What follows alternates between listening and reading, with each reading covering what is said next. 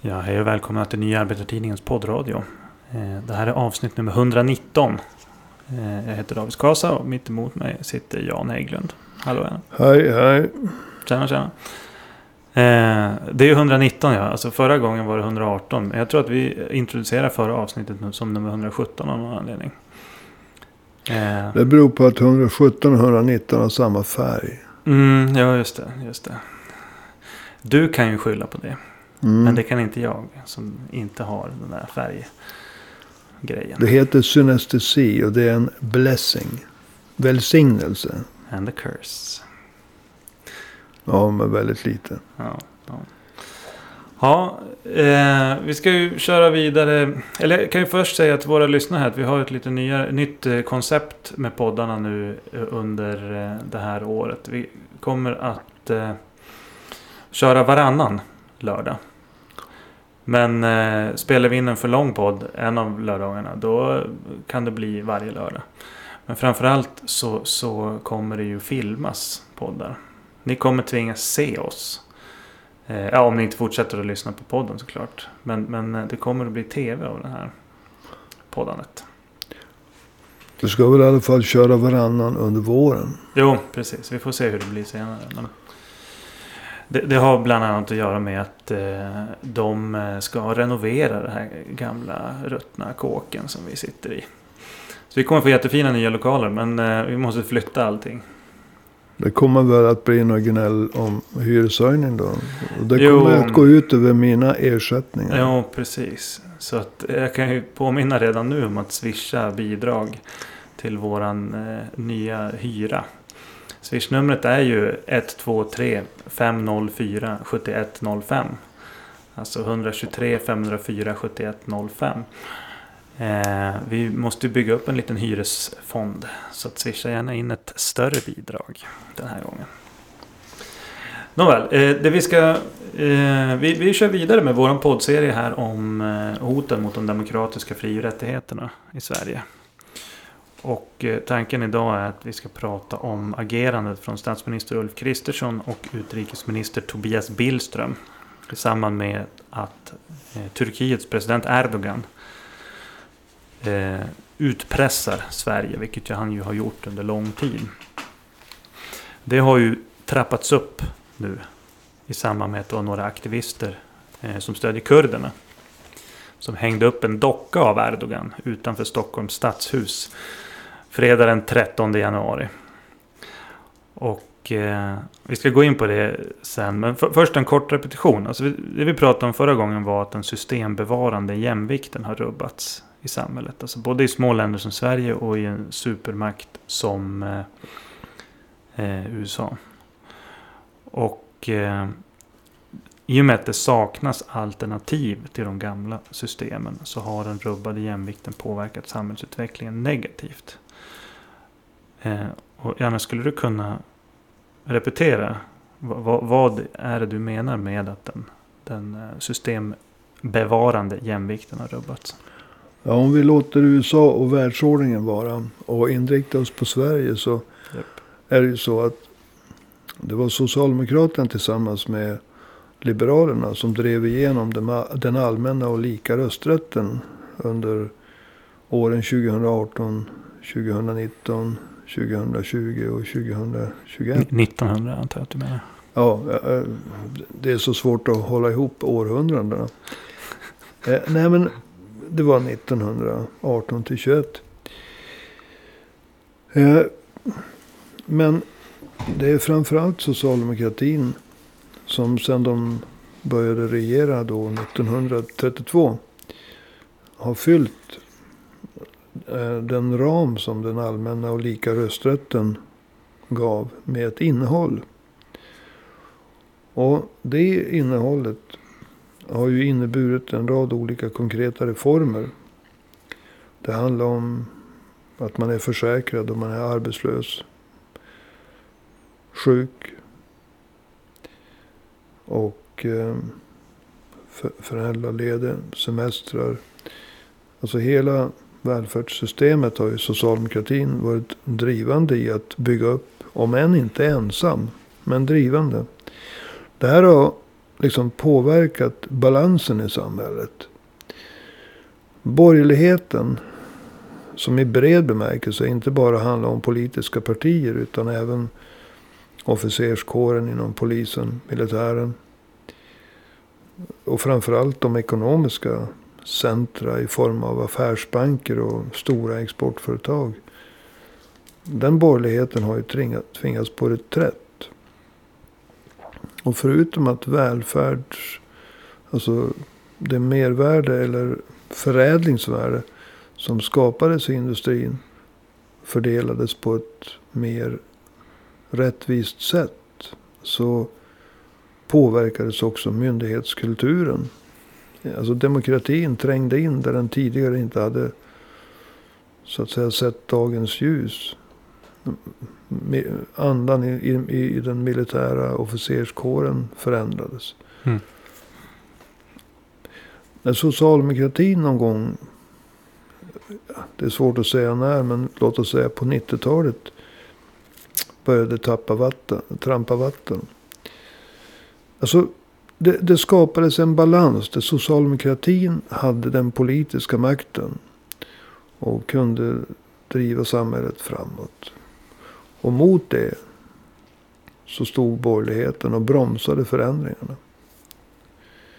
Alltså det, det finns, funnits en sorts maktbalans.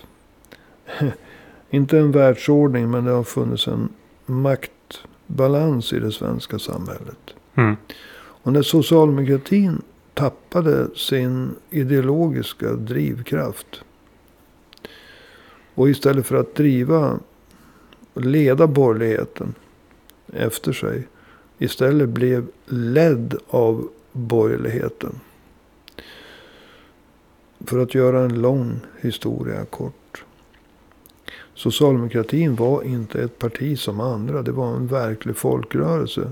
Man brukar säga från vaggan till graven. Från Unga Örnar till Fones. Och det var sant. Men när, när socialdemokratin tappade sin roll. Då börjar samhället gå baklänges igen. Det här är ingenting som dagens socialdemokrater förstår. Utan de ser sig själva som ett parti bland andra. Och tycker att viss kritik som kommer från sådana som exempelvis mig. De förstår den inte. Varför ska vi behöva bära hundhuvudet för hela samhällets problem? Ja, det beror på att ni har ett arv att förvalta. Men det här rubbade jämvikten. Och det rubbade... Alltså jämvikten rubbades, rubbas ju i varje hög och lågkonjunktur. Men det här rubbade den systembevarande jämvikten. Och det jag säger, det är obegripligt för de som inte förstår och känner den svenska historien. De som inte förstår och känner den svenska arbetarrö- socialdemokratiska arbetarrörelsens historia. Men om jag nu vänder mig till de som förstår den socialdemokratiska arbetarrörelsens roll. Då förstår ni vad jag menar med att den systembevarande jämvikten, den grundläggande jämvikten är rubbad. Och vi befinner oss på ett sluttande plan. Där höga tjänstemän inom polisen till exempel. Eller andra förvaltningschefer kan ta sig större och större rättigheter. Därför politikerna har retirerat. Och det är den systembevarande jämvikten är rubbad. Samhället rör sig åt fel håll. Mm. Och en sån här, liksom, det kan vara roligt med tuffa one-liners i eh, filmer. Men alltså när man hör, när, när vi hade påskkravallerna. Och så hör man Ebba Busch gå ut och säger. Varför är det inte 70 ja, 70 drygt skadade islamister. 100 skadade islamister istället för 100 skadade ja. poliser. Så. Jag menar, varför säger hon inte att det borde inte vara någon skadad? Alltså varenda muslim hörde ju att det var 100 skadade muslimer. Alltså det, det, det, det är en sån allmän sänkning i den politiska nivån. Att man, och när jag, när jag kom in på den här Ebba. Så såg du svenska nyheter igår? Jo, Jag tar som ett exempel på hur, hur, hur den här förändrade kvaliteten på socialdemokratin sänker kvaliteten på även borgerligheten. Alltså hur kan man gå i land med att säga. Jag, jag lovade att man skulle få bidragen. Det var ju de här energiersättningarna. Till den första november. Och de var på plats till den första november. Men medborgarna fick inga pengar. jo. Ja, men medborgarna kanske hade trott att löftet att de skulle få någonting den första november. Ja, alltså. Så hon satt alltså i ett par månader bara för att vara elak då med att inte skicka ut pengarna. Alltså, det gick inte att vara så låg som Ebba Busch är med sina one-liners. Vissa, eh, vad heter det, politiska problem är mer problematiska än en tuff one-liner. Och på det, alltså jag vill inte jämföra henne och Donald Trump. Jag tror inte hon kommer att storma riksdagen. Mm. Men det här Twitter-intellektualismen har hon tagit efter USA. Som så mycket annat. Hon påminner om Sarah Palin för det. Alltså det, det är en urartning. Mm. Men jag lägger skulden på att socialdemokratin har tappat sin roll. Ja, just det. Men du, ska vi gå in då på den så kallade dockaktionen? Kryperiet från Kristersson och Billström. Jag tycker vi kan börja i den turkiska regimen. Alltså hur ska man definiera Erdogans regim? Ja, alltså vi kan ju låta en eh, rapport från regeringskansliet den 15 maj 2021 beskriva situationen eh, i Turkiet. Genom att plocka ut några saker från en blogg från en person som heter A. Fraurud. Han skrev den 13 januari i år. Han har plockat ut en del citat från den här eh, vad heter det, rapporten från regeringskansliet. Och den, den säger bland annat att, jag citerar, de mänskliga rättigheterna, demokrati och rättsstatens principer urholkas fortlöpande. Lagar om terrorism, liksom anklagelser om förtal av presidenten används för att tysta oliktänkande och regimkritiker. Regimen utför frihetsberövanden, hot och våld mot journalister, övervakning, regleringar och självcensur. Regimen utför inskränkningar av yttrande, press och informationsfriheten. Bara för att ta några utdrag. Mm. Och den här rapporten ger perspektiv på vad regimen i Turkiet är. Och jag vill poängtera att när man använder begreppet regim istället för regering. Så är blotta valet av begrepp regim någonting som antyder att det här är någonting djupare än att det finns en och annan minister i en och annan regering. Det här Mm. är ett system. Alltså regim är inte utbytbart mot regering. Nej. Regim, det är presidenten och statsapparaten. Mm. Om man tar till lite grovt här. Och i Turkiet är det verkligen så. Och den in, alltså innehållet i den här rapporten understryker att en regering i Sverige, och det är väl temat för idag, som på allvar vill försvara de demokratiska fri och rättigheterna, inte kan ta utfallen från den turkiska regimen på allvar. Utan en regering som vill stå upp för de demokratiska fri och rättigheterna måste stå, också stå upp mot Erdogan och hans regim. Mm. Vad tycker du om själva aktionen då? Med dockan? Ja, alltså jag tänker svara som regeringen borde ha svarat. Jag lägger mig inte i den. Det enda som jag lägger mig i det är att jag kan konstatera att aktivisterna hissade upp en docka med fötterna uppåt. Dockan föreställde Turkiets president Erdogan. Någon kan tycka att det var osmakligt.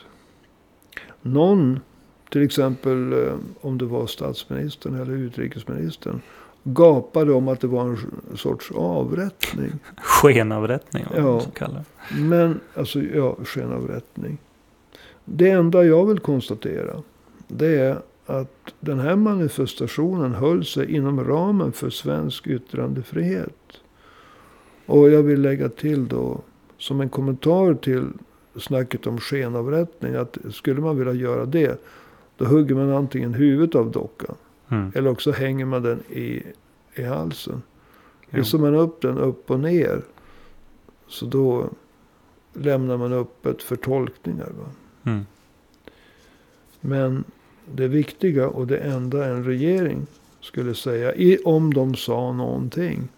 Det är att eh, dockan håller sig alltså inom gränserna för yttrandefriheten. Och vi har inga övriga synpunkter. Och faktum var att det fanns ju en i regeringen som sa det. Och det var liberalen Johan Persson. Mm.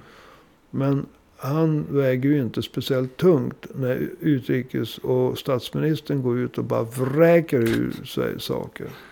Ja. Vi får komma tillbaka till vad de sa för någonting. Men alltså Erdogan han reagerade ju hårt på det där. Vad, vad tycker du om hans reaktion? Ja, alltså det är svårt att ta Erdogans... Alltså Erdogan, han har ju en paradgren. Och det är, förutom att sätta politiska motståndare i fängelse så blir han ju kränkt. Mhm. Och det kan ju också användas till att tysta regimkritiker. Med yttrandeförbud eller ja, fängelse. Men alltså, alltså Erdogan, han anser att eh, det här ger honom en förevändning att trappa upp sina utpressningsförsök. Reg- Regimen i Turkiet påstod att dockaktionen utgjorde, jag citerar, ett bevis för att svenska myndigheter inte har tagit de nödvändiga stegen mot terrorism. Alltså den turkiska logiken går alltså ut på att den här dockaktionen var terrorism. Ja. Och att eh, för att fortsätta den turkiska logiken. Och jag skriver logik inom gigantiska citationstecken. Sverige måste inskränka eh, yttrandefriheten. För att ta de nödvändiga stegen mot terrorism. Det är den Erdogan, Erdogans logik. Det är den turkiska regimens logik. Så att eh, för övrigt så har hans utfall också inneburit att man har ställt in ett planerat besök av våran korrekte svenske talman i riksdagen. Vad är han heter? Ja, det har jag glömt. Är det Norlén han heter? Ja, just det. En oförargligt korrekt figur som inte borde drabbas av Erdogans vrede. Det, Han vill ju bara bjuda på kaffe och kakor. Liksom. ja, precis. Han skulle kunna intressera Erdogan för någonting som är kanske mindre, gör honom mindre kollegiskt, ko- koleriskt. Men vem vet. Sen har de ju också kallat upp den, Sveriges ambassadör i eh, Ankara och skällt ut honom så vitt Mm. jag vet. Så alltså Erdogan han, han har alltså gett efter för sina, vad man säger, häftiga humör. Om Mm. det är spelat eller inte, det kan vi ju lämna osagt. Jag tror att det är en kombination av en viss kolerisk, politiskt sett kolerisk läggning och en regissör. Där han själv står för regin. Mm. Ja, Jo, precis. Men eh, så, så lät Erdogan. Hur lät eh, våra kära statsminister och utrikesminister? De reagerar väl hårt mot Erdogan? ja, det var verkligen en dynamisk duo här. Där de drev upp varandra. Liksom. Det finns ett program som jag inte gillar. Alltså jag gillar ju det här programmet. Men inte Annika Lantz Landskampen. Mm. Det är ett pladdrigt program. Eh, med dåliga vitsar. Och det tycker jag passar på de här utrikes och statsministrarna. De har drivit upp varandra. Alltså så här. Kristersson, statsminister. Han kallades för Turbo för övrigt som kommunalråd. Eh, han turbostartade genom att säga att han förstår Turkiets ilska. Och han stämplade snabbt reaktionen som ett, jag citerar, sabotage mot den svenska NATO-ansökan. Mm. Så där hittade han ju ett guldkorn av sanning. För det var det som det handlade om. Även Billström har uttalat, jag citerar, förståelse för Turkiet. Och i ett skriftligt uttal uttalar, och nu ser man hur de driver upp varandra i en dynamisk duos Mm. Han skriver, utrikesministern, följande. Vi ser otroligt allvarligt på Mm. det som hänt. Och det här är ämnat just som ett sabotage mot den svenska NATO-ansökan. Och där snuddar han återigen vid sanningen. Mm. Men sen kommer det här. Aktionen spelar Ryssland i händerna och försvagar vårt land. Alltså det är ju ett rent utbrott som saknar all, alltså alla proportioner här. Men hur tycker du att de skulle ha reagerat? Ja, alltså Kristersson och Billströms uppgift som de två förnämsta ministrarna i regeringen. Det är att slå vakt om yttrande och tryckfriheten i Sverige. Att visa att Sverige inte faller av för utpressning från ett land som är utdömt. Och jag citerar ju den här utredningen från regeringskansliet. Mm. Genom att krypa för den odemokratiska regimen i Turkiet. Som verkligen hotar de demokratiska fri och rättigheterna på hemmaplan. Och som försöker hota de demokratiska fri och rättigheterna i Sverige. De skulle inte svika Billström och Kristersson, Alltså alla kurder. Oavsett i vilket land kurderna bor. Mm. Utan de skulle stå upp för yttrande och tryckfriheten. De skulle helt enkelt bara, ifall de skulle säga någonting. Så skulle de säga, alltså vi har ingenting att göra med den här, vad heter det, dockaktionen. Den ryms för övrigt inom ramen för den svenska yttrandefriheten. Och vi har ingen anledning att recensera den. Så länge den ryms inom ramen för svensk lagstiftning. Grundlagstiftning. Eftersom Mm. yttrandefriheten tillhör en av grundlagarna. Punkt.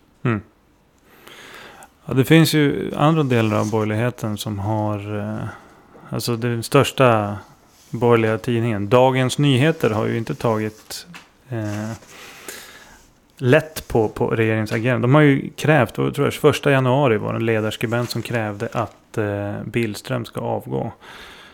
Så var det ju 21. 21 januari tror jag Ja, just det. Precis. Eh, hur, resonerar DN? Alltså, eh, för det första så eh, har de en del intressant statistik. Bara för att vi ska ta ner er, Erdogans kränkthet på jorden. Alltså, de skriver att bli kränkt.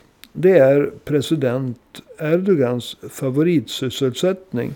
När Deutsche Welle, tyska public service tv, för ett par år sedan undersökte hur lagen som förbjuder turkar att förolämpa presidentämbetet har använts.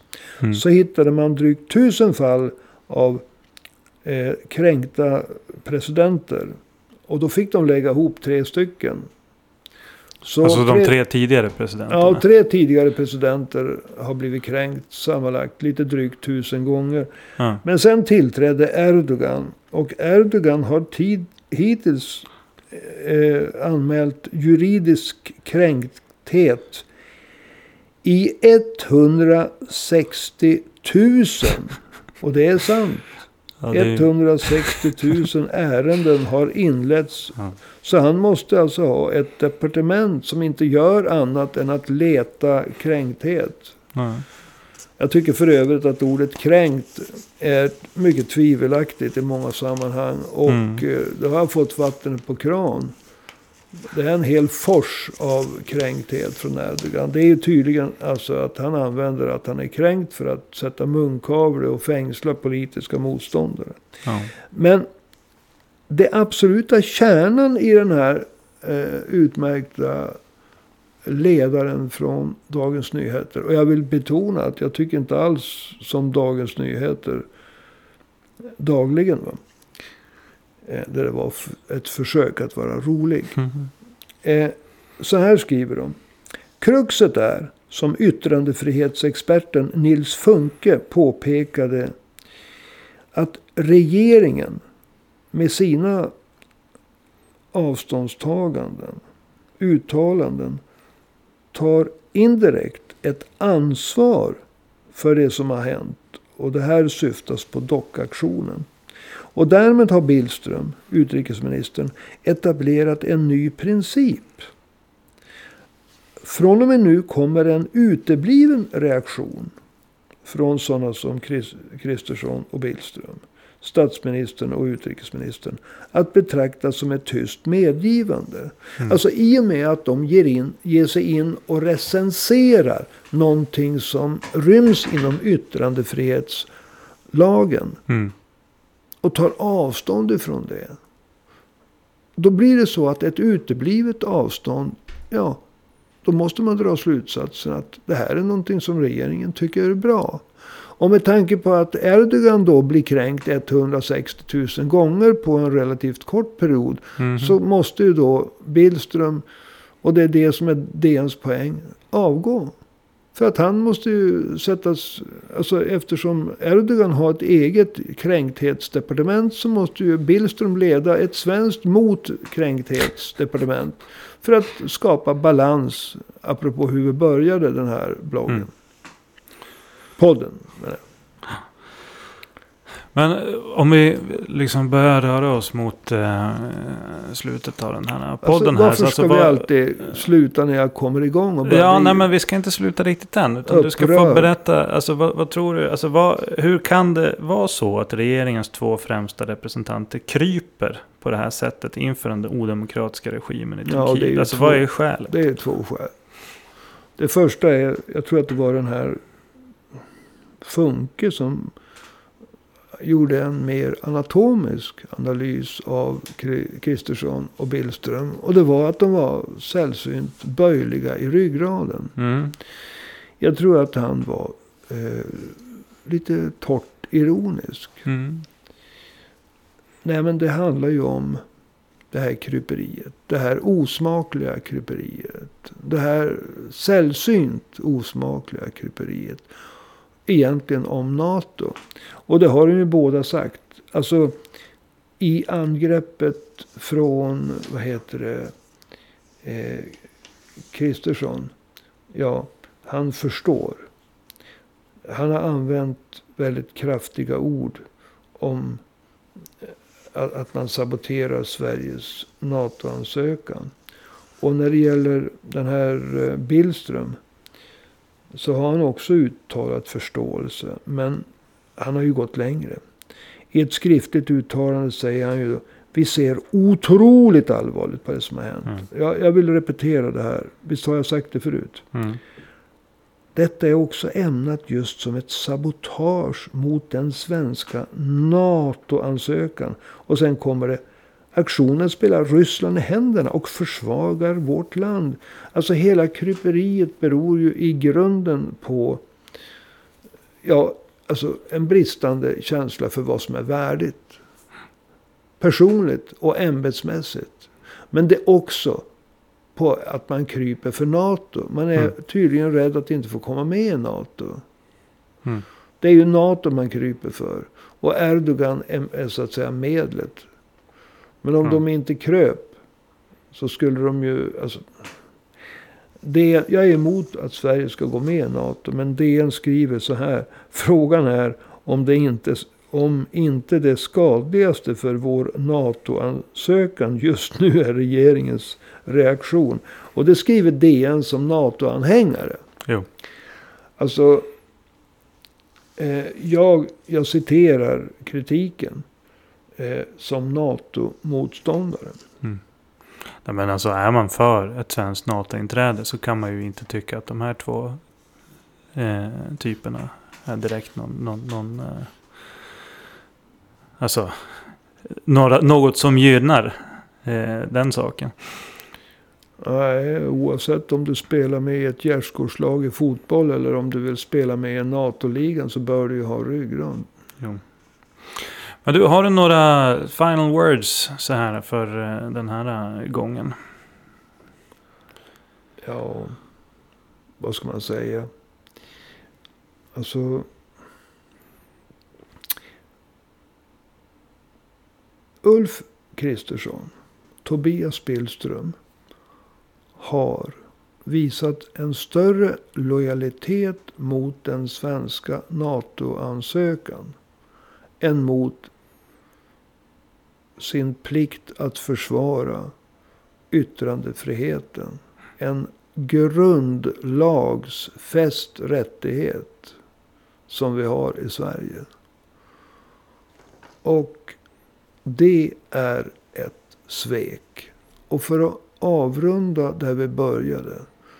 Den systembevarande jämvikten i Sverige är rubbad. Klassklyftorna ökar. Ö alltså demokratin minskar i och med att sådana här polischefer får större manöverutrymme. Skillnaden mellan de som har jobb och inte jobb ökar. Arbetslösheten ökar.